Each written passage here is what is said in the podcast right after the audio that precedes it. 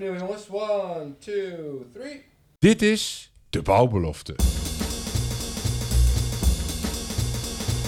De podcast voor bouwers die het anders en beter willen doen. Met altijd een frisse kijk en dwarse blik. Arjan Tullintunnel. Anders en beter luisteraars. Dat is waar we voor gaan met de Bouwbelofte podcast met weer spraakmakende gasten aan tafel. Dit keer maar liefst drie. Welkom Jem Ada, Bart Kok en Paul Bessems. Fijn dat jullie er zijn. Ehm, AI, daar gaan we het over hebben. En eh, daar hebben we het eerder in 2023 ook over gehad, tijdens het tweejarige bestaan van de bouwbelofte. En in deze podcast eh, hopen we als eh, luisteraars, als leken en, dan, en als geïnteresseerden weer wat wijzer te worden over eh, AI en recente ontwikkelingen vooral daarin. Eh, Paul, ehm, ik begin bij jou, zomaar willekeurig. Ehm, jij volgt die ontwikkelingen ook op de voet. Eh, hoe kijk jij naar het AI-landschap op dit moment? Ja, ik denk dat we het wellicht specifiek over generative AI hebben. Dus AI aan zich, daar, daar werken we natuurlijk al langer mee. Wat ik denk als aftrap belangrijk vind om te noemen, is dat AI natuurlijk heel erg afhankelijk is van de dataset waar die zijn antwoorden op baseert, van de large learning models. Dus wij richten ons vanuit onze organisatie eigenlijk vooral op eerst het creëren van, wij noemen dat rijke data alvorens je generatieve AI daar eigenlijk op loslaat. Dus uh, ja, voor ons een heel belangrijke ontwikkeling, omdat wij ons kunnen voorstellen als jij bijvoorbeeld wat ChatGPT doet, het eerstvolgende woord in een zin kunt voorspellen. Ja, dan kun je ook de eerstvolgende transportcapaciteit voorspellen die het beste een vracht van A naar B kan brengen. En dat zal waarschijnlijk niet meer de beste prijs zijn, maar degene die de minste uh, CO2-emissie heeft. Dus we zien heel veel mogelijkheden, mits de data kloppen. Oké, okay, nou, daar kunnen we alleen al een uur aan wijden uh, aan dit uh, thema. Ja, ja, toch. Ja. Mooi. Uh, Jem, jij uh, neem ons eens mee in hoe jij kijkt naar recente ontwikkelingen. Ja, het is, uh, ik, ik denk dat het wel goed is om gelijk aan te haken op, op Paul. Um, want het, het grappige is, we zijn natuurlijk enige tijd verder, zoals Paul ook al aangaf. En eigenlijk een van de grote leiders is bijvoorbeeld OpenAI. En de hele reden van die naam OpenAI was bedoeld vanuit open source AI, wat een non-profitable organisatie zou moeten zijn. Maar ja, nou ja, het is niet heel erg verrassend dat het omgekeerde waar is. Dus het is nou eigenlijk een, een closed source, uh, best wel profitable AI-leider in de markt. En zij zijn wel heel erg bezig inderdaad met die LLM's, de Language Learning Models. En ze zijn dat ook al heel erg aan het personaliseren. Dus iedereen kent een ChatGPT. Maar ze zijn nou inmiddels met ChatGPT 4 uh, ja, vijf al bezig, maar vier is al uh, up and running.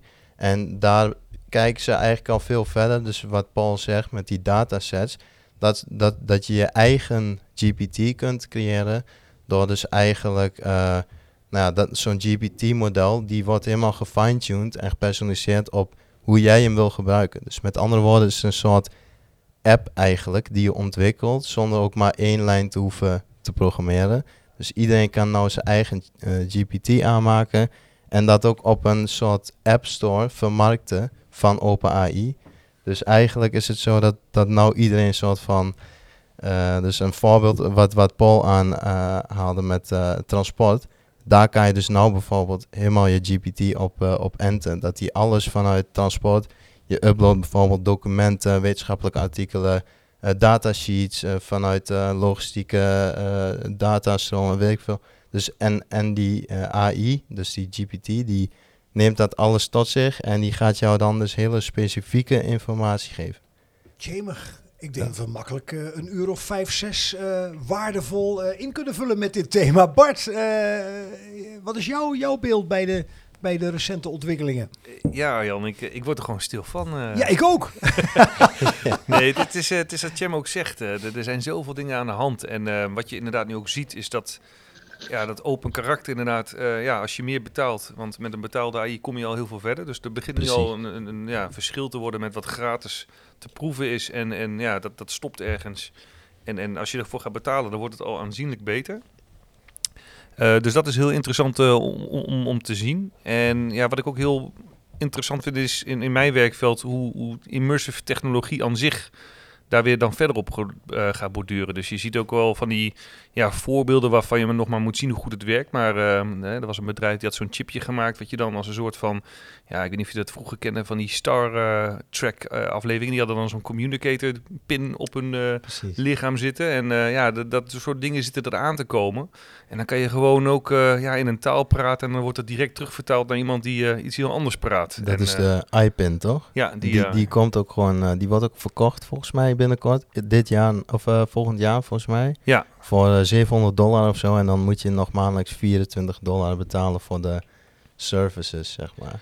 Ja, en, en ook als wat Jim zegt, hè, het is helemaal gepersonaliseerd dan ook. Hè? En dat zie je inderdaad ook met die betaalde apps al. Dat je echt eh, ja, helemaal jouw profiel daarin kan, kan neerleggen. En dan ben ik dus ook benieuwd als je dat doortrekt. Hè? Je hoeft alleen maar je, ja, je eigen imagination te gebruiken waar dat naartoe gaat. Maar eh, ja, die digitale eh, assistent van jezelf, die eigen kopie van jezelf is. Ja, ik denk dat dat sneller komt dan we allemaal zien aankomen. Deel jij dat beeld ook, Paul? Die digitale assistent als assistent van jezelf? Ja, om een mooi voorbeeld te noemen natuurlijk, wat nu actueel is, zijn de verkiezingen. Hè, dus eh, democratie is een beetje verwoorden tot 15 minuten de, de stemwijzer invullen.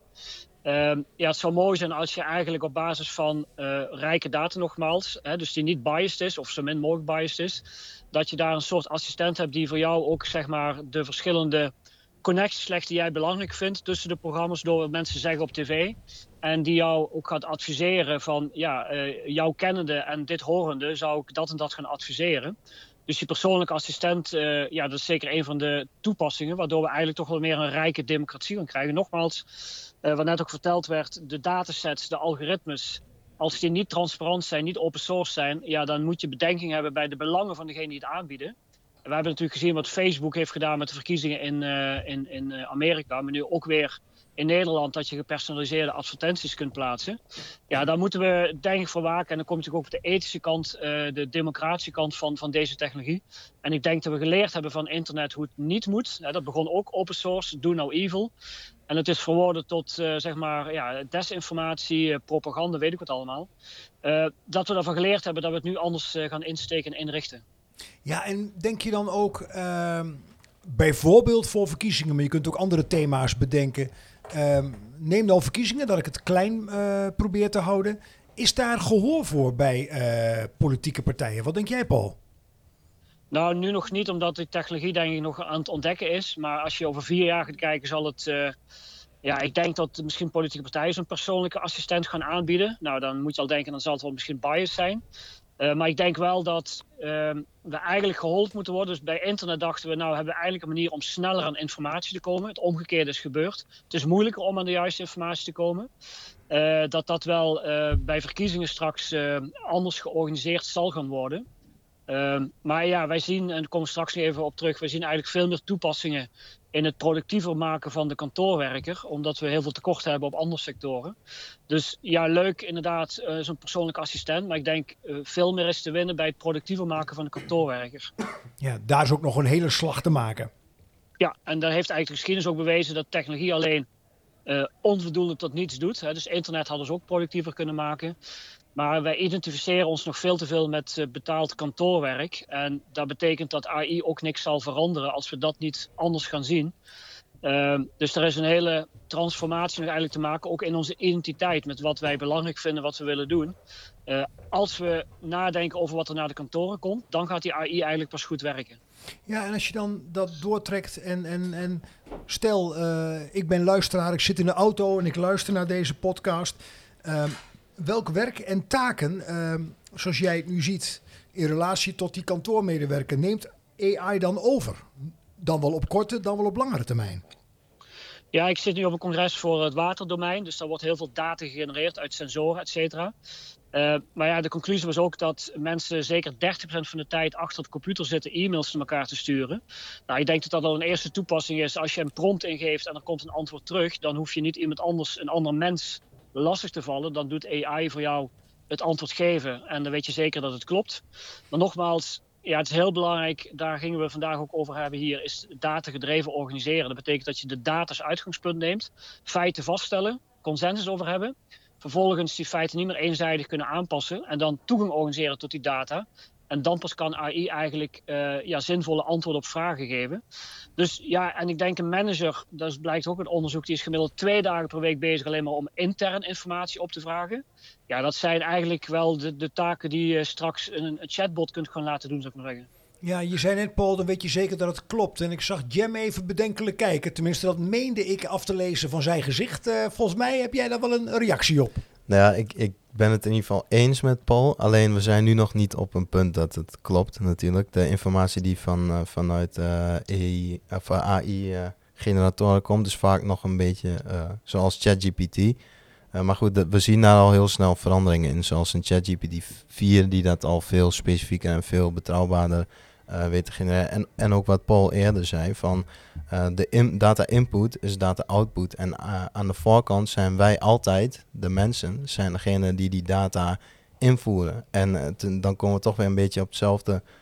daar zal, nou, dat is een beetje natuurlijk Paul's expertise. Maar ja, data, uiteindelijk is AI ook een grote bulk aan data. En voor, voor wat ik heb vernomen is het dan ook nog eens niet eens heel complex qua alle codes en binaire uh, systematieken wat aan verbonden zit. Dus uh, volgens mij is het vooral een soort kwestie van reguleren en, en, en ook zeg maar, ja, uh, ja, wie is de curator bijvoorbeeld van, van die data? En, en zo'n open AI die dan nu marktleider is, ja, die, die, die gooien daar allemaal data in aan de voorkant. Wij weten niet wat voor data dat allemaal is, maar we weten alleen wat we eruit kunnen krijgen. En wat bedoel je dan met curator van al die data? Nou ja, uh, eigenlijk dus regulatie. Dat is iets waar we het eerder ook over hebben gehad. En dat is iets wat ook heel actueel is. Dus uh, we zien dat die technologie, uh, over de snelheid van de ontwikkelingen, ervan hoeven we ons geen zorgen te maken. Maar we moeten dat wel in goede banen leiden. Dat, dat is in ieder geval wat ze een beetje nou roepen. Van het moet gereguleerd worden. En een grappig voorbeeld daarin is bijvoorbeeld uh, we, hebben, we, hebben het idee dat, uh, weet je, het gaat zo snel, wie houdt het nog tegen? Maar anderzijds had ik een, een voorbeeld vanuit uh, ook Elon Musk met zijn hele rakettenprogramma. Dat hij dus nou, om een, een raket te bouwen, heeft hij een soort vissersvergunning nodig. En dat klinkt heel erg, weet je, dat, dat, is best wel gek. En toen begon hij dat uit te leggen van ja, waarom is dat dan zo? Nou ja, uh, de kans dat dus een van die raketten, of in ieder geval afwerpselen daarvan, uh, ooit uh, in zee belandt en een haai raakt, is blijkbaar voldoende, zeg maar, om daar een soort regulatie op te kunnen zetten. Dus nu moet hij vanuit allerlei instanties kunnen aantonen van, nou ja, dat hij die kansenberekeningen heeft gedaan en dat de kans dus eigenlijk niet heel is dat dat gebeurt. En voordat hij eigenlijk verder kan met zijn programma. En dat is een heel lullig voorbeeld, maar uh, ik denk dat het toch wel met, met regulaties, misschien niet zo extreem als deze, dat we AI veel meer op zijn plek kunnen krijgen. Ja, dan wil ik even, en kom zo ook zeker weer bij jou uit Bart. Uh, Paul, um, dat reguleren, ik probeer als leek, van die bril zet ik op, het een beetje te volgen. En jullie zitten er uh, heel diep in, dus fijn dat jullie gast aan tafel zijn. Maar is dat reëel, dat reguleren? Hebben we dat ook niet geprobeerd met Facebook en andere social media? Um, ik weet dat er een Europees verband uh, het nodige over gezegd wordt. Nu dan haalt dat de media. Maar is dat reguleren reëel in jouw ogen, Paul? Um, ja, kijk, op dit moment, en je kunt dat best beschouwen, reguleren zit eigenlijk aan de achterkant. Dus, dus we laten eerst de bedrijven lekker innoveren, de private sector. Um, en als het dan niet goed gaat, dan gaan we achteraf reguleren. Dus we zijn voorstander om veel meer aan de voorkant te gaan kijken hoe innoveer je eigenlijk. Uh, Marianne Matsukate heeft daar ook een beetje haar levenswerk van gemaakt. Die zegt, ja, het probleem zit niet in, in de, ja, de, producten, de diensten die er nou zijn, maar hoe, hoe, we eigenlijk als maatschappij innoveren en dat overlaten aan de private sector, die natuurlijk zeker de Amerikaanse heel andere belangen heeft dan een maatschappij. Uh, dus we zijn voorstander, en daar ging het congres vandaag ook over. Hè, dus we hebben in Nederland sinds 1957 recht op schoon water waarom hebben we geen recht op schone data? Data die klopt, waar consensus over is, die je niet achteraf kunt aanpassen. Dus je kunt eigenlijk voordat AI begint een hele datanutsvoorziening gaan organiseren vanuit een privaat-publieke. Uh, ja, wat we eigenlijk ook met stroom en, uh, en water doen. Nou, dan ga je in de voorkant eigenlijk veel meer al vastleggen van wie zijn die data eigenlijk, welke learning models mogen dat gebruiken. Dus dat je veel meer vanuit mensenmaatschappij gaat innoveren en minder vanuit de private sector. Dan hoef je achteraf ook minder te reguleren, zou ik maar zeggen. Um, dus dat, en wat net ook al werd genoemd, hè, dus die, die datasets waarop getraind wordt, Er is uh, een paar maanden geleden is er een document van een Google-medewerker naar buiten gekomen. Die zei, ja, Google is eigenlijk niet in concurrentie met Amazon en, en Microsoft, hè, dus OpenAI. Maar veel meer met de open source datasets ook. Dat mensen inderdaad die moderating of die uh, curatie, curatie, dat ze dat eigenlijk meer van open source gaan doen. Dus ja, wij zijn meer voorstander van om echt aan de voorkant privacy by design bijvoorbeeld te doen dan achteraf regulering. Maar op dit moment is dat wel nog nodig. En je weet dat ze eigenlijk altijd achter de feiten aanlopen. Maar met AI zijn ze nu wel veel eerder begonnen dan bijvoorbeeld met, uh, met de AVG. Dus ze hebben wel ook geleerd vanuit de regelgever. Alleen zijn we dan zonder doemdenker te zijn. Uh, Bart, wat denk jij? Niet te laat. Ik bedoel, uh, AI is er al. ChatGPT is er al. ChatGPT de bekendste als je kijkt naar heel veel mensen. Um, achteraf reguleren is, is, is, is het enige wat nu nog kan. Terwijl Paul inhoudelijk denk ik gelijk heeft door te zeggen... dat moet je aan de voorkant doen. Ja, daar heeft hij zeker gelijk in. Maar anderzijds, wat ik, wat ik bijzonder vind, hè, want ik hoorde steeds vaker van ja, bij uh, dingen als, als internet, Facebook en alles en AVG hebben het verkeerd gedaan. Nu gaan we met dit het goed doen. Maar volgens mij moeten we dat andere ook gewoon nog doen. Want bouw dit voort op wat we al hebben liggen. En, en dat hoor ik niet vaak. Want volgens mij als je het in de basis goed hebt, het, het gaat uiteindelijk allemaal via internet weer. En het gaat allemaal over data, dat hoor je niet weer, betrouwbare datasets. Ja, begin dan maar eerst even met stoppen met die data uh, weg te halen van plekken waar het nu nog vandaan komt, waar het eigenlijk niet eens vandaan mag komen. Hè? Dan kan die data wel kloppen. Maar als het allemaal via via verkregen is, waar we eigenlijk in de basis ook al niet blij mee zijn. Hè, dat zijn ook allemaal dingen waarvan ik denk van, uh, ja, hoe, in hoeverre valt dat te reguleren met het tempo dat het nu gaat, als we in de basis nog steeds wat gaten van het schip hebben zitten, ja, waar we wat vingers in moeten stoppen af en toe, uh, bij wijze van. Stel, Paul, dat er geen beperkingen zouden zijn hè, op dit thema, dat reguleren. Wat, wat zou jij dan uh, doen? Als we nou, het hebben wat, over reguleren, hè? Ja, wat, wat we al doen is inderdaad aan de voorkant anders organiseren. Dat is een lange weg. Wij noemen onszelf ook als kathedraalbouwers. Dus we zullen wellicht het resultaat niet zien. Maar uh, ja, gelijk. Hè, dus, dus AI werkt op, op internet. Uh, bestaat volgend jaar 50 jaar. Uh, maar het TCP/IP-protocol, dat is, dat is niet van één bedrijf van Google of zo. Dus dat is de basis. Maar wij mensen vinden gemakzucht ook wel handig. Uh, en liefst uh, waar je niet voor hoeft te betalen, maar via een achterdeur wel met je data betaalt. Dus er zijn op heel veel fronten dingen te doen. Regelgeving is er één, maar ook datawijsheid bij mensen. Dus dat begint op de middelbare school. Ja, ik denk dat, dat je dit erg holistisch moet aanpakken vanuit overheid, bedrijfsleven, ook maatschappelijke organisaties. Um, dat is een mooi inzicht van Plato. Je kunt een deel pas genezen door het geheel te behandelen. Uh, dus één ding, regelgeving, dat is onvoldoende. En ik denk dat het nu tijd is om inderdaad te leren van internet. We bouwen voort op internet. Maar dat je een aantal dingen wel uh, anders gaat, uh, gaat organiseren. Nou, vanuit een ander belang. wat ik al zei, minder privaat en meer mensmaatschappij. Ja, dat is een hele omwenteling ook in onze sociaal-economische orde. Uh, neoliberalisme, de vrije markt. Ja, we komen steeds meer erachter op meerdere fronten dat dat misschien toch niet zo'n goede keuze is geweest. Helder, helder betoog, uh, waar denk ik ook alle luisteraars het best mee eens kunnen zijn eigenlijk. Um, AI en onderwijs en AI en architectuur en AI en bouw, daar wil ik ook nog even aansnijden. Paul, jij gaf al even de voorzet, al te beginnen in het voorzet onderwijs. Um, Ergens eerder eh, dit jaar zag ik iets op televisie dat uh, leerlingen in groep 8 van de basisschool, die ze de vrije ruimte hebben gegeven, ruimte hebben gegeven, werkelijk al verbluffend veel doen met AI-achtige tools. Heeft dat dan, ben je dan met het middelbare onderwijs juist niet te laat? Uh, nee. Kijk, we hebben ook ooit op een gegeven moment een rekenmachine bedacht. Dus uh, hoefde niet meer uit hoofd te rekenen, had je daar een, een, tool voor. Dus ik denk dat we mensen ons heel erg bewust moeten zijn met de vraag waarin zijn wij mensen beter en waarin is de computer en de, de, glasvezel beter. Dus als we alles uit onze wereld om kunnen zetten in 0 en 1, hè, de digitale twin, en vervolgens de computer en de, de telefoonlijn dat laten afwikkelen, ja, dan creëren wij als mensen natuurlijk ook andere ruimte voor andere dingen waar wij wel goed in zijn. Dus ik denk dat onderwijs niet moet opleiden tot boekhouder. Want boekhouders hebben we niet nodig. Fiscalisten denk ik ook niet.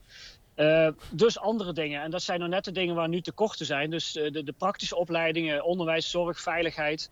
Ja, het is, het is, het is geen abacadabra. Dus als je ergens te veel van hebt en ergens te weinig, dan, dan zal het gaan stromen. En ik denk dat AI er alleen maar voor zal zorgen ja, dat we minder kantoorwerk hoeven te doen. Dus repetitief werk, eh, dingen opvragen bij je 18 jaar of ouder. Heb je verklaring omtrent gedrag. Al die dingen die we nu nog heel veel menselijke interactie hebben. EML bij banken, KYC. Al die processen, ja, die hoeven eigenlijk gewoon niet door de mens gedaan te worden. Pas als we ons realiseren dat wij als mens beter zijn in andere dingen en dat meer gaan doen, ja, dan gaat die AI ook daadwerkelijk ons productiever maken. Dus ik denk dat onderwijs daar ook op voor moet sorteren en niet meer moet opleiden voor functies, taken of banen die we niet meer nodig hebben om door de mensen gedaan te worden. Nou, dan ligt daar nog een hele flinke uitdaging. Los van uh, welk kabinet er komt te zitten uh, nu en in de toekomst. Uh, Bart, ik zag je net ook even wat bedenkelijk kijken. Dat meende ik ook te zien. Ja, want ik, ik, ik kijk dan iets verder met hoe ik nu al zie dat we nu al zeggen van er zijn banen die we niet meer nodig hebben. En je ziet ook die, die shift. Hè? Als je een goede lasser bent, kan je meer verdienen dan als iemand ja, een mooie opleiding heeft gedaan bij een universiteit, volgens mij tegenwoordig. Maar ik durf te stellen dat die ontwikkeling van de AI zo snel gaat. En je gaat daar ook nog een beetje robotica aan toevoegen. Dat die gouden handjes straks ook bij wijze van makkelijk in te zetten zijn digitaal. En dat dat nu niet zo is of nu niet lijkt. Maar ik denk niet dat dat iets is wat 100 jaar gaat duren voordat we daar komen. En dan Ja, is. mis- Misschien een, eh, la- laat ik zo een historisch feit. Er is onderzoek gedaan. Ik kan dat wel eens toesturen, dat, eh, dat onderzoek. Naar bijvoorbeeld, wat heeft technologie betekend in de financiële sector? Eh, zijn daar minder mensen gaan werken? Zijn er, eh, dus het begon met de telex en toen kwam de fax en toen kwam de computer. En ja, dat historisch onderzoek van ongeveer 100 jaar heeft eigenlijk bewezen dat technologie eh, niet ervoor gezorgd heeft dat die sector productiever is geworden. Dus ja, ik denk gewoon dat technologie alleen, die is er wel, die kan dat ook, maar dat is onvoldoende om inderdaad die werkzaamheden. er, is een wet van Sil Parkinson en die wet zegt: het werk dijt uit tot de tijd die ervoor staat. Dus als je gewend bent van 9 tot 5 naar gebouw te gaan, ja, dan gaat AI eh, misschien wel zorgen dat je om half uur klaar bent met je werk, maar je zoekt er dingen bij tot 5 uur. Dus het is veel meer een kwestie van identiteit, van, van overtuiging en norm, eh, normverandering, dan de vraag: is die technologie er? Hè, dus dus eh, ik ben het met je eens, maar er moet meer gebeuren dan alleen de technologie. Nee. Eens, Bart? Ja, maar ja, ik kijk even naar, naar, naar de grootste plannen dat we ooit eh, hè, op Mars dingen gaan bouwen. Ja, je kan de moeite nemen en, en om alles te bouwen om een mens daar te krijgen. Maar misschien is het veel makkelijker om, om ja, de volgende stap daar te krijgen. Hè, als je begrijpt wat ik bedoel. Maar, maar laat ik een voorbeeld noemen uit, uit jullie sector, de bouwsector. Hè. Dus de- misschien ge- ge- gelezen in het nieuws dat het renoveren van een afsluitdijk duurt langer dan het bouwen van de afsluitdijk. Nou, En- dat, dat, dat kan allerlei vragen op, maar dat heeft hiermee te maken. Ehm, dus de manier waarop je dingen organiseert, wat je belangrijk vindt, eh, digitale bureaucratie, regelgeving, weet ik wat allemaal. Dus ja, ik, ik, ik ben ook voorstander van die technologie. Ik kom uit Brainport Eindhoven, maar we hebben ook eigenlijk geleerd, zeker vanuit Philips, het gaat niet om high-tech of big-tech, maar het gaat om beyond-tech. Wat doen wij als mensenmaatschappij met die technologie die er is? En dat vraagt gewoon andere vragen stellen aan, aan onszelf, aan anderen. Ja. Misschien eh, een aantal eh, interessante dingen eruit filteren. Eh, bijvoorbeeld, wat zeker waar is, is dat we inderdaad met alle technologische ontwikkelingen door de, door de jaren heen, dus dat onderzoek waar jij het over hebt, Paul, dat klopt inderdaad. We zijn elke keer is technologie is complementair. Dus we, we zijn er niet minder door gaan werken. Je kan het ook nog wat extremer trekken van nou wat technologie doet, is het helpt ons enerzijds, aan de andere kant juist niet, want we werken alleen maar meer en meer en meer. Het gaat alleen maar over efficiëntie en productiviteit. Dus hoe, hoe kan een mens in acht uur eh, tijd, zeg maar, zoveel mogelijk doen? Wat Paul ook aangaf, daar hebben we eerder ook over gehad. Je stopt niet om half één. Weet je, in principe zou je nu met AI het werk van acht uur in drie uur kunnen doen in veel sectoren. Wat doe je met die overige vijf uur? Dat is een vraag die we vorige keer hebben gesteld. Nou, die overige vijf uur ga je volgens mij uiteindelijk ook weer gewoon opvullen met nog meer werk. En tegelijkertijd is het interessante van, hè, enerzijds moet technologie complementair zijn aan de mens. Dus het moet ons eh, helpen. Ook wel een, een stelling wat eh, eh, daarin bijvoorbeeld genoemd kan worden van ja, ja, het klopt dat AI een aantal banen wegneemt of delen van banen. Maar je zou aan de ene kant kunnen zeggen van zijn dit al niet delen van banen die, die wij überhaupt al niet zouden moeten doen. Dus dat is een beetje in lijn met wat Paul ook aangeeft van nou, er zijn gewoon een aantal taken. Stel dat we dat niet meer hoeven te doen, dan komt er gewoon een, een heleboel tijd vrij waar we onze kwaliteiten beter kunnen inzetten. Maar tegelijkertijd is het ook een beetje in strijd dus, hè, dat AI of technologie complementair moet zijn. Omdat we nu met digital twin, dat is niet alleen voor gebouwen, voor weet ik veel, maar ook voor de mens. En, en ik denk wat uh, een, een belangrijk discussiepunt is, hoe, uh, wat is de bedoeling van AI? Willen we zeg maar een digital twins, twin van de mens maken? Dus willen we een mens, menselijke intelligentie naklonen? Of willen we kunstmatige intelligentie hebben? Wat zeg maar naast de mens complementair is en niet één op één. En ik merk dat daar in heel veel voorbeelden, uh, actuele voorbeelden, nou een, een beetje in discussie gaan is.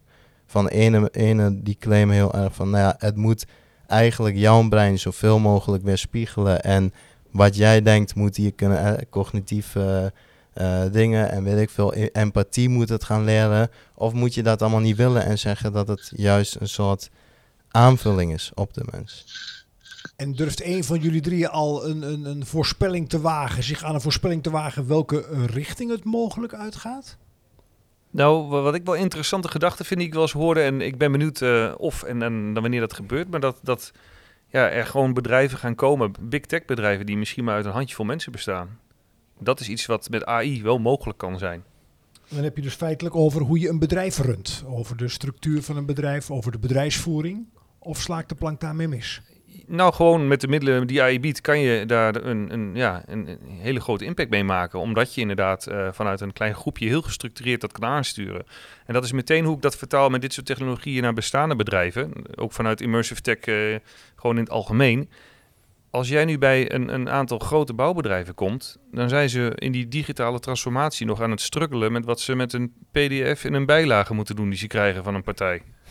En dan hebben we het nu over dat ze dit soort dingen moeten doen. Nou, dan denk ik van, goh, dat is heel lastig. Nou, wie kan er wel heel snel inspringen op dit soort ontwikkelingen? Nou, vooral als je niet vastzit aan een hele bordbestuur uh, en, en alles. Nee, start-ups. Dus als een start-up hier goed kan inspringen en precies uh, zoiets pakt, ja, dan kan er iets uitkomen wat we nu nog niet zien. Net als dat in het verleden Google uh, vanuit de zolderkamer van Larry Page naar voren kwam en is geworden wat het is. Ook inderdaad is met de gedachte, don't be evil.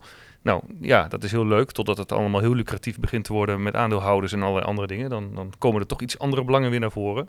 Maar ik ben wel heel benieuwd om te zien van ja, waar gaat het dan heen? En als je dat dan weer doortrekt, want dan kom je weer op dat hele verhaaltje terug van joh, we zijn nu ook al dingen ja, aan het wegsnijden uh, van taken die we niet hoeven te doen eigenlijk met AI.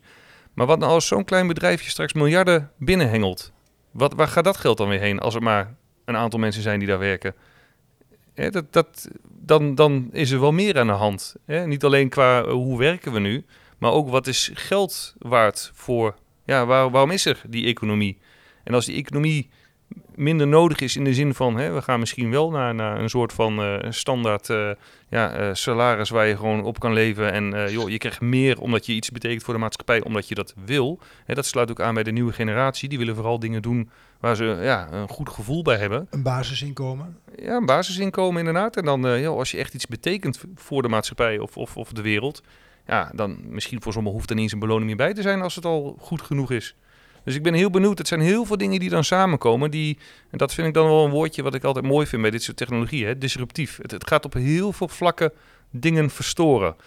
En niet één ding. Want reguleren is één, maar reguleren van wat? Ja, niet hoe, wij zijn opgegroeid. Het is, is meer voor de, voor de volgende generatie die ermee opgroeit. Ja. Eerder al uh, mooie observatie, Bart. Uh, Paul, je hebt, er ook, je hebt het volgens mij ook eens eerder over gehad. Uh, we hebben dus tijd, er komt tijd vrij om andere dingen te doen. Hè? Dat mag je gerust een redelijke voorspelling noemen die uit zal komen. Bijvoorbeeld vijf uur vrij op een dag. Mm -hmm. um, uh, hoe, hoe, zie je dan die invulling daarvan, Paul? Heb jij daar een beeld bij? En dan mag je gerust koppelen aan wat Bart net zegt van ja, oké, okay, hoe zien dan verdienmodellen eruit? Hoe ziet ons economisch model eruit? Ja, ja dit is vooral vrij beschikbare tijd hè, wat vrijkomt. Het is niet vrije tijd, dat is nog wat anders, want we hebben nog een heel veel dingen in de directe omgeving te doen, waar uh, steeds meer behoefte aan is. Maar historisch gezien is het eigenlijk altijd zo geweest dat technologie ons productiever heeft gemaakt. En die productiviteitsgroei creëert surplus. En dat surplus wordt op een gegeven moment voor andere dingen aangewend. Uh, bijvoorbeeld jager-verzamelaar, een hekje om de dieren, dat is technologie, dan kun je sneller een dier vangen. Fast forward, hè, de fabrieksarbeider werd productiever door de lopende band. We gingen naar de kantoren. Ja, en eigenlijk sinds de jaren 60, 70, namelijk dat we naar kantoren gingen, zijn we nauwelijks nog productiever geworden, ondanks dat de technologie er is. Dus, maar we weten niet wat er na de kantoren komt. Dus dat ons verbeelden, maar ook over hebben. Hè, dus wat, wat vinden we eigenlijk belangrijk? Ja, dan pas gaat die AI daadwerkelijk taken van ons overnemen. Want kijk, wat eh, net door Bart genoemd werd, hè, dus de, de DAO noemen wij dat een decentrale autonome organisatie. Ja, daar hoeven eigenlijk geen mensen of nauwelijks mensen nog te werken. Ik vind Bitcoin Core nog altijd een goed voorbeeld. Bitcoin Core is de langslopende blockchain. Dat is geen bedrijf, dat is eigenlijk alleen een website en een protocol. En die doen een paar honderdduizend transacties per dag afwerken zonder dat daar eigenlijk nog mensen voor nodig zijn. Uh, dus de bewijzen liggen er dat technologie er is, uh, start-up, om dat te doen. Maar nogmaals, als wij als samenleving niet nadenken wat er dan na die kantoren komt, omdat we ons daar heel erg mee identificeren. Um, en er zijn heel veel factoren die dan meespelen. Hè. Net werd ook genoemd, het werk duidt tot de tijd die ervoor staat. Workism is een term dat je verslaafd bent aan het werk omdat je daar mee identificeert. Vroeger identificeerden ons met de, met de geloofsovertuiging of de vakbond. Nou, hè, dus er zijn veel, veel aspecten die hier meespelen. Uh, ja, en daarom, hè, net werd er genoemd start-up of bedrijf. Ik, ik ben altijd geneigd om naar een goede balans te vinden. Uh, dus we werken veel met projecten, start-ups, maar wel ook met grote bedrijven die echt wel willen innoveren. Dus meestal redeneren we vanuit Brainport uh, multi-helix, dus onderwijs, uh, onderzoek, ondernemers, ondernemingen en overheid, de vijf O's. En dat is een lange termijn, maar als je die goed oppakt, dan gaat AI daadwerkelijk ervoor zorgen dat wij binnen generatie, dat is ook onze ambitie, binnen generatie kunnen we kantoorwerk halveren. Dat is waar wij voor staan. Binnen één generatie kantoorwerk halveren. Ja, dat klinkt... work less, achieve more. Ja, en uh, dat achieven dan, uh, zoals je dat noemt in het Engels, work less, achieve more. Hoe zie jij dat achieven dan, Paul?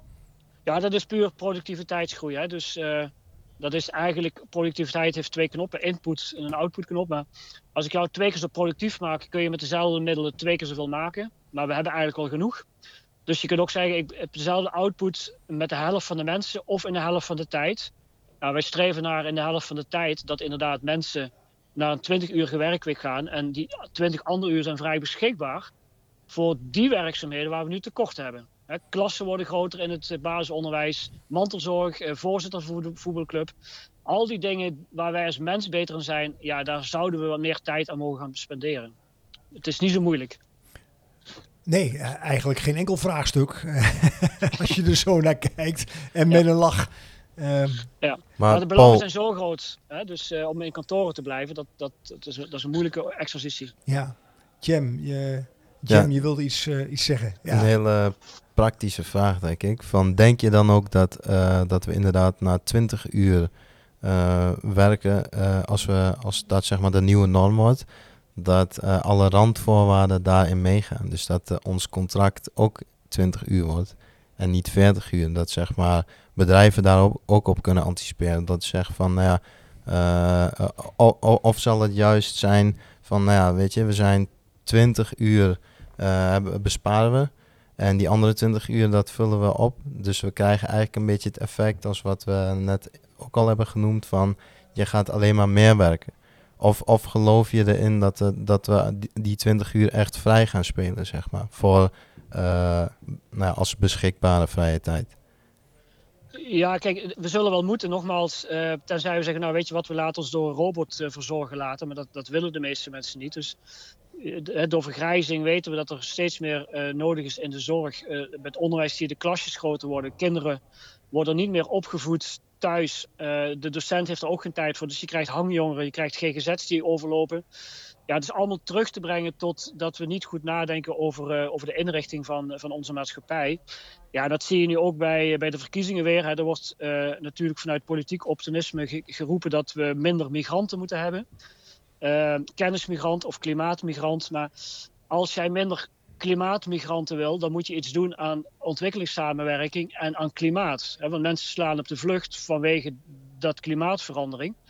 Uh, en als je kijkt naar kennismigratie, hè, daar willen ze dan vanaf. Maar als je de uh, politieke partijen de programma's doorloopt, zie je nergens staan productiviteitsgroei. Hè? Als je mensen productiever maakt, dan heb je gewoon minder aanbod nodig. Hè? Dus ja, ook vanuit de politiek moeten er eigenlijk veel andere accenten gelegd worden. En uh, ze zijn allemaal geneigd om meer te hebben, meer arbeid, meer scholing. Dus, dus ja, dat is een belang van de overheid. De overheid heeft belang bij dat we meer gaan werken, meer gaan kopen. Want daar is de belasting op, op afhankelijk van. Dus ja, het is best wel een enorme transformatie. en ik vat het meestal samen door te zeggen: we komen uit een tijd van de industriële revolutie. Die was gericht op steeds meer welvaart maken. Een hartstikke mooie machine. Elke 30 jaar zijn we verdubbeld in welvaart door productiviteitsverdubbeling. En nu gaan we naar een nieuwe periode. En we zitten duidelijk in een tussenfase. Het intertussen noemen ze het ook wel. We weten dat het oude niet langer werkt. Het nieuwe is nog niet helemaal scherp. Ja, dat, dat wordt meestal gaat het eh, gepaard met uh, crisissen, waar we natuurlijk middenin zitten nu. Maar we komen straks eigenlijk in een periode dat we zeggen, nou, eigenlijk gaan we de welvaart die we uh, consumeren, gaan we gewoon verduurzamen. En daar heb je andere inzichten voor nodig. En technologie kan helpen om meer tijd vrij te spelen voor de dingen die we als mensen ook echt belangrijk vinden. Ik kom zo nog even mooie aanvulling opnieuw, Paul. Dankjewel, dat geeft duiding. Als we even kijken naar de menskant, Bart. Hè? Ik heb eens gelezen dat uh, onder meer uh, stress, om niet te spreken over langdurige uitval, dat dat te linken zou zijn aan het oudste deel van onze hersenen, het reptiele brein. Wat eigenlijk uh, in de kern niet anders is als toen we nog achter bizons aanliepen met, in een berenvel met, met, met, met pijl en boog. Oftewel, kunnen we de ontwikkelingen nog bijbenen dat mensen wel willen, maar dat ons brein dat gewoon eenvoudigweg niet toelaat. Met de snelheid, complexiteit, nou, niet willen en misschien of ook niet wel, kunnen. Nou, niet de behoefte hebben aan kan ook zijn, hè? Oké. Okay. We kunnen wel allemaal misschien vinden dat dit fijn is en dat we dit willen en dat dit ons hè, productiever kan maken. Maar ja, ik denk dat er ook een hele generatie mensen is die, die daar niet eens voor open wil staan. Dat maakt de uitdaging nog ingewikkelder, misschien. Ja, en, en ook omdat we in het verleden, ik wil niet zeggen dat we wat generaties verpest hebben, daar heeft corona ook misschien aan geholpen. Hè. Iedereen is met die mobieltjes bezig en die kinderen die groeien er helemaal mee op. Kijk, je kan zeggen van we hebben het verkeerd gedaan in het verleden met, met, met, met internet, met die regelgeving. We zien nu opeens allemaal hè, generaties kindertjes uh, ja, opgroeien die allemaal leuk met schermpjes willen spelen. En nu gaan we dit aan de voorkant proberen tegen te houden. Ja, ik, ik weet niet met de generatie die opgroeit wat dat, waar dat allemaal naartoe gaat. Want ja, dat zie je ook bij jongeren. Hè, hoor ik in ieder geval op events waar dat over gaat. Hè. Die komen dan uh, binnen een organisatie binnen.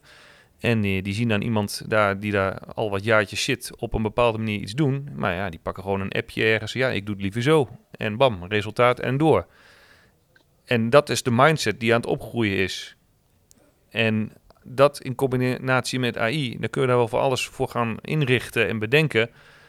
Ja, ik, ik, ik denk dat, dat, dat er een generatie nu is die, die, die daar misschien niet eens zo open staat. Hè. Dat was bij de vorige generatie ouderen natuurlijk ook lastig om die op internet te krijgen, terwijl alles nu alleen maar nog digitaal te doen is. Ja, als straks dan met AI alles doet, ik denk dat er gewoon, uh, ja, dat, dat, dat wordt heel lastig. Ja. Om die mee te krijgen allemaal. En zeker als je voor de gek kan worden gehouden, want we hebben het dan niet eens over de negatieve effecten gehad van dit soort technologie. Ja. Paul, heb jij daar ook een, uh, een beeld bij vanuit jouw scope en jouw uh, bezigheden overdag? Ja, de negatieve kant, dat was vanochtend op de radio. Dus volgens mij uh, 10% van de kinderen hebben obesitas al. Hè, dus wat eigenlijk vroeger bij oudere mensen was, doordat ze te weinig bewegen.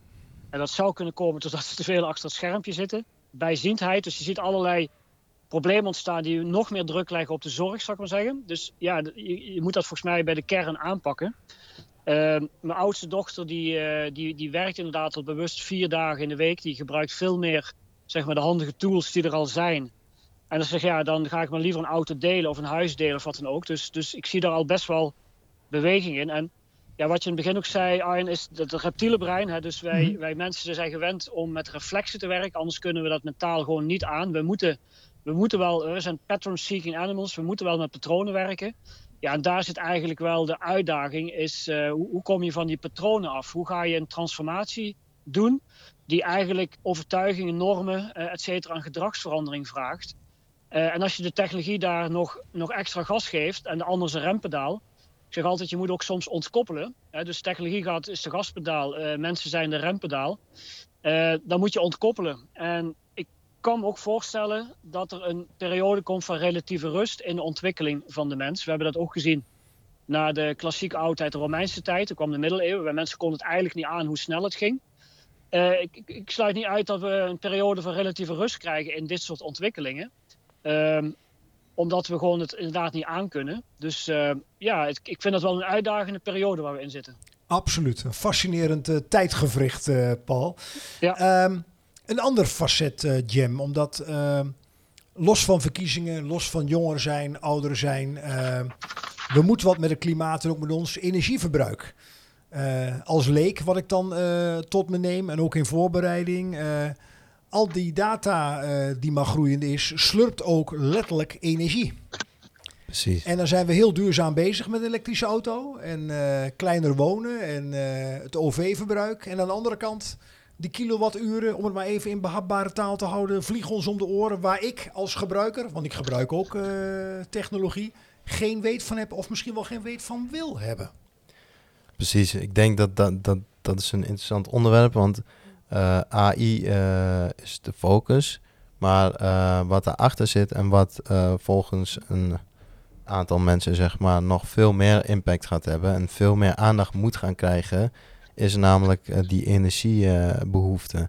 En we hebben natuurlijk te maken met eigenlijk twee hele grote aspecten. Het ene is nou, het eh, elektrisch maken van het transport, van weet je, dus verwarmd of verwarming, alles gaat nou elektrisch. En die hele transitie, dat, daarvoor hebben we heel veel meer capaciteit nodig. En daarnaast hebben we inderdaad al die AI-modellen die superveel energie vreten. Dus we komen gewoon straks in een soort fase waarin we een tekort hebben aan, aan energie. En, dus hoe duurzaam is het dan echt? trek hem dan iets breder dan AI, maar alles wat IT gerelateerd is, hoe duurzaam is dat dan echt? Precies. En het grappige is dat uh, de, we komen nu uit een tijd, en er zit er nog steeds een beetje in, dat er een heel groot tekort is aan chips. Silicon chips en weet ik wel, allerlei soorten chips. En uh, grappig is dat er wordt gezegd van, nou, niet heel, heel lang hierna zal er weer een overvloed aan chips zijn. Uh, maar een tekort aan energie. En dat je die chips, die kan volgens niet meer kwijt, niet meer toepassen, niet meer integreren. Uh, en misschien is dat ook wel een soort halt in die, dus die rustfase waar Paul het over heeft. Misschien wordt die ons ook wel een soort van afgedwongen. Omdat we uiteindelijk gewoon de capaciteit niet kunnen bijbenen.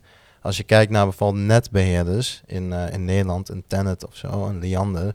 Ja, die moeten onderstations bouwen om ons van energie te voorzien ja, de bouw van zo'n onderstation gaat veel trager dan de ontwikkeling van een technologie zoals AI of een, een wat van apparaat dan ook. Dus dat zijn wel dingen waar we over na moeten denken. Ik zeg even mannen knip, Ad, wil jij, want de tijd in de gaten, wil je Jordi erbij halen? Anders dan... En uh, Paul, kun je ons nog horen? Ja, zeker. Ja, we zetten zo verder op, maar ik zou ook naar een staart willen, hè, want we kunnen echt wel, uh, dit moeten we eigenlijk zeker misschien wel twee keer per jaar doen, deze update, als het aan mhm. mij ligt. Als jullie dat ook waardevol vinden. Uh, ik zoek nog naar een beetje een, een goed einde wat toch het een beetje samenbrengt. Want ik kan me voorstellen dat heel veel luisteraars het gewoon duizelt met alle, uh, alle, alles wat op ons afkomt. Kijk, jullie zitten erin, maar Jordi, ja sorry, want we moeten... Ja, want ik heb hem even moeten onderbreken, anders dan uh, komen we niet aan het einde. Omdat we al op drie kwartier onderweg zijn. 42 minuten, ja. ja. Um, hoe zien jullie een einde? Hoe kunnen we hier een, een, een staart aanmaken aan dit uh, verhaal? Nou, wat, wat ik persoonlijk wel interessant vind is... Dan pak ik hem daar weer op zometeen. Ja, want uh, iets wat niet veranderd is... Uh, ik bedoel, we hebben allemaal een aantal dingen genoemd... Van, vanuit de vergelijking met vroeger en nu... en de technologische ontwikkelingen van de jaren 90 en nu. En weet je, er is een soort... Uh, er zijn verschillen, maar er zijn ook overeenkomsten. En een van de belangrijkste dingen wat niet veranderd is sinds die tijd, en wat naar mijn idee nog steeds altijd een probleem is, dat kom ook weer een beetje terug op waar we mee begonnen, open source en niet open source. Ik bedoel, alles wat hier besproken wordt, uh, gebeurt op basis van data. Dus die hele ontwikkeling van AI eh, wordt gegenereerd door data. En enerzijds zo data die wordt gegenereerd, anderzijds zo data die van ons afkomstig is. En uh, wat denk ik altijd een soort dilemma blijft, is hoe ga je om met die data? Want Paul noemde het ook al, gemakzucht. Weet je, we houden van gemak. Dat zou je kunnen koppelen aan productiviteit. Weet je, we zijn productiever omdat we die gemakzucht opzoeken. Maar tegelijkertijd, die gemakzucht die komt ons alleen eh, tegemoet wanneer we ook bepaalde data van onszelf vrijgeven. Dus die, die, die grens bewaken is heel erg lastig, Is denk dan een ik. idee dat jullie alle drie even, eh, dat jullie kort het woord geven richting een afronding? Paul, Ja. kun jij daar ook in vinden, vanuit jullie eigen scope? Jazeker. Ja, nou, dan pakken we hem weer op, uh, Jordi. Ehm, ehm, ja, zal hem even. Staat hij weer op aan? Ja. Nou, er is nog ontzettend veel te delen over ontwikkelingen eh, rondom AI. En dit zal zeker niet de laatste balbelofte zijn die we hier aan wijden. Ehm, even een laatste vraag aan jullie allemaal. Hè. Even kijken of je toch een soort recap, een soort samenvatting kunt geven van waar staan we nu in het hier en nu in 2023. Ik begin bij jou, Jem. Wat kun je ons nog kort meegeven daarover? Eh, nou, in ieder geval waar ik eh, ook al een beetje mee begon. Uiteindelijk is AI ook gewoon één grote bulk data. En ik denk dat we ons eh, vooral ook bezig moeten houden met hoe we omgaan met die data. Dus open source, niet open source, maar niet alleen de data die door techbedrijven worden ingevoerd. Dus hoe legitiem is dat? En de data output, wat kan je ermee, wat doe je ermee, wat wil je ermee? Maar ook in hoeverre geef je data van jezelf? Om dan even te eindigen met een eh, grappig voorbeeld. De, de nieuwste AI-technologieën nou. Je hebt nou bijvoorbeeld eh, Runway. Dat is, eh, je gooit eigenlijk een plaatje in een AI-generator. Bijvoorbeeld, ik maak een foto van jou. Dat is heel veel data van jou. Die ga ik uploaden. En binnen een zeg maar, je drukt op generate. En binnen een paar seconden ben jij ineens aan het praten en vliegen de vogeltjes achter je langs. En eh, weet je, nou, je snapt het. eh, een stilstaand beeld wordt ineens vormgegeven tot een levend, levend beeld, video. Dus we ma het is heel interessant om daar allemaal in mee te gaan. Maar tegelijkertijd moet je ook nadenken over in hoeverre je eh, bereid bent om daar data voor in te leveren, als het ware. Helder. En Bart, jij, wat wil jij ons nog meegeven? Ja, en tegelijkertijd, hè, enerzijds wat Chairman zegt eh, en wat Paul ook voor heeft gewaarschuwd, die data die is belangrijk. Maar laten we eens vanuit gaan dat we dat voor elkaar krijgen.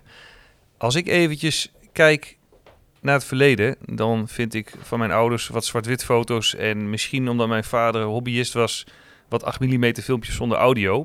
De generatie voor hem, nou, misschien een paar foto's. Nou, dan krijg je nu binnenkort een generatie ja, dan vind je opa en oma nog terug op Instagram eh, en alles wat blijft leven. Nou, dat vind ik dan niet zo bijzonder. Dat is een tussenfase. Maar stel je voor dat jij je persona op zo'n manier kan vastleggen. Dat over een aantal generaties, dat jij gewoon kan praten met je voorouders op een manier dat daar echt wel, ja, dat dat, ik wil niet zeggen 100% klopt. Ik zou dat wel heel bijzonder vinden als, als die mogelijkheid er is. En inderdaad, dan valt of staat dat bij die data en hoe goed dat is en hoe dat bewaakt is. Maar ervan uitgaande dat de mogelijkheid er is dat het wel kan. Ja, dat is toch wel heel gaaf als je dan zo ook in de toekomstige generaties... Ja, je, je historie kan meenemen en blijven meenemen. Dat is wel bijzonder. Hele korte aanvulling misschien. Heel Eh, kort. de- Er zijn techbedrijven die jou beloven, zeg maar, om jouw digital twin, dus de kloon van jouw brein, als het ware up te loaden naar de cloud na je overlijden. Zodat je dus eigenlijk... Nou, dat is nog eens een vergezicht. Hè? Dank jullie wel. Paul, jij als laatste? Ja, laatste reactie. Hè. Dus het zou mooi zijn als we. Ik vind het ook luxe dat we ons dat kunnen gaan veroorloven. Dat we inderdaad met onze voorouders wellicht kunnen gaan communiceren. Maar ik denk voordat we ons die luxe toe-eigenen, wat inderdaad veel rekencapaciteit kost, moeten we denk ik ook eerst een aantal dingen laten. Zodat dat energieverbruik niet zo'n probleem wordt. Hè, dus het mooie van de wereld waar we in zitten, nou mooie, het is, eh, we hebben heel veel problemen. Die wereld is niet complex, maar gecompliceerd. Dus de meeste problemen zijn door de mens gecreëerd en zijn door ook onze op te lossen. Om even naar de data terug te gaan. We weten dat we 15 MB aan data per persoon per minuut produceren. Ja, dat kost heel veel energie, want al die datacenters da- zijn daarvoor nodig. Dus de overheid moet bijvoorbeeld niet vragen waar moet een nieuw datacenter van Microsoft komen, maar hoe kunnen we minder datacenters nodig hebben door data op een andere manier te organiseren. Als het goed is, hebben we allemaal één geboortedatum, maar die geboortedatum staat op 400, 500 plekken. Er is al heel veel te winnen door data anders te organiseren. En ik zou AI ook eigenlijk wel willen vergelijken. AI kost veel energie. Maar een boekhouder die naar kantoor rijdt, eh, dat kost ook heel veel energie. Dus we moeten ook oud en nieuw met elkaar vergelijken. En dan valt de rekensom toch in het voordeel van AI, die eigenlijk tegen minder energiebelasting hetzelfde kan doen. Dus ik denk dat we daar goed moeten kijken hoe we de bestaande data eh, gaan organiseren. En ik zou dat liefst via een data nutsvoorziening gaan doen. Nou, eh, Een helder betoog van jullie alle drie. Eh, we zijn toe aan het einde van deze bouwbelofte. Geen reguliere. AI het vervolg. En ik heb zomaar het idee dat er weer een vervolg gaat komen, want de ontwikkelingen staan niet stil. Dankjewel Paul Bessems, Bart Kok en Jem Ada. Ehm, tot de volgende bouwbelofte.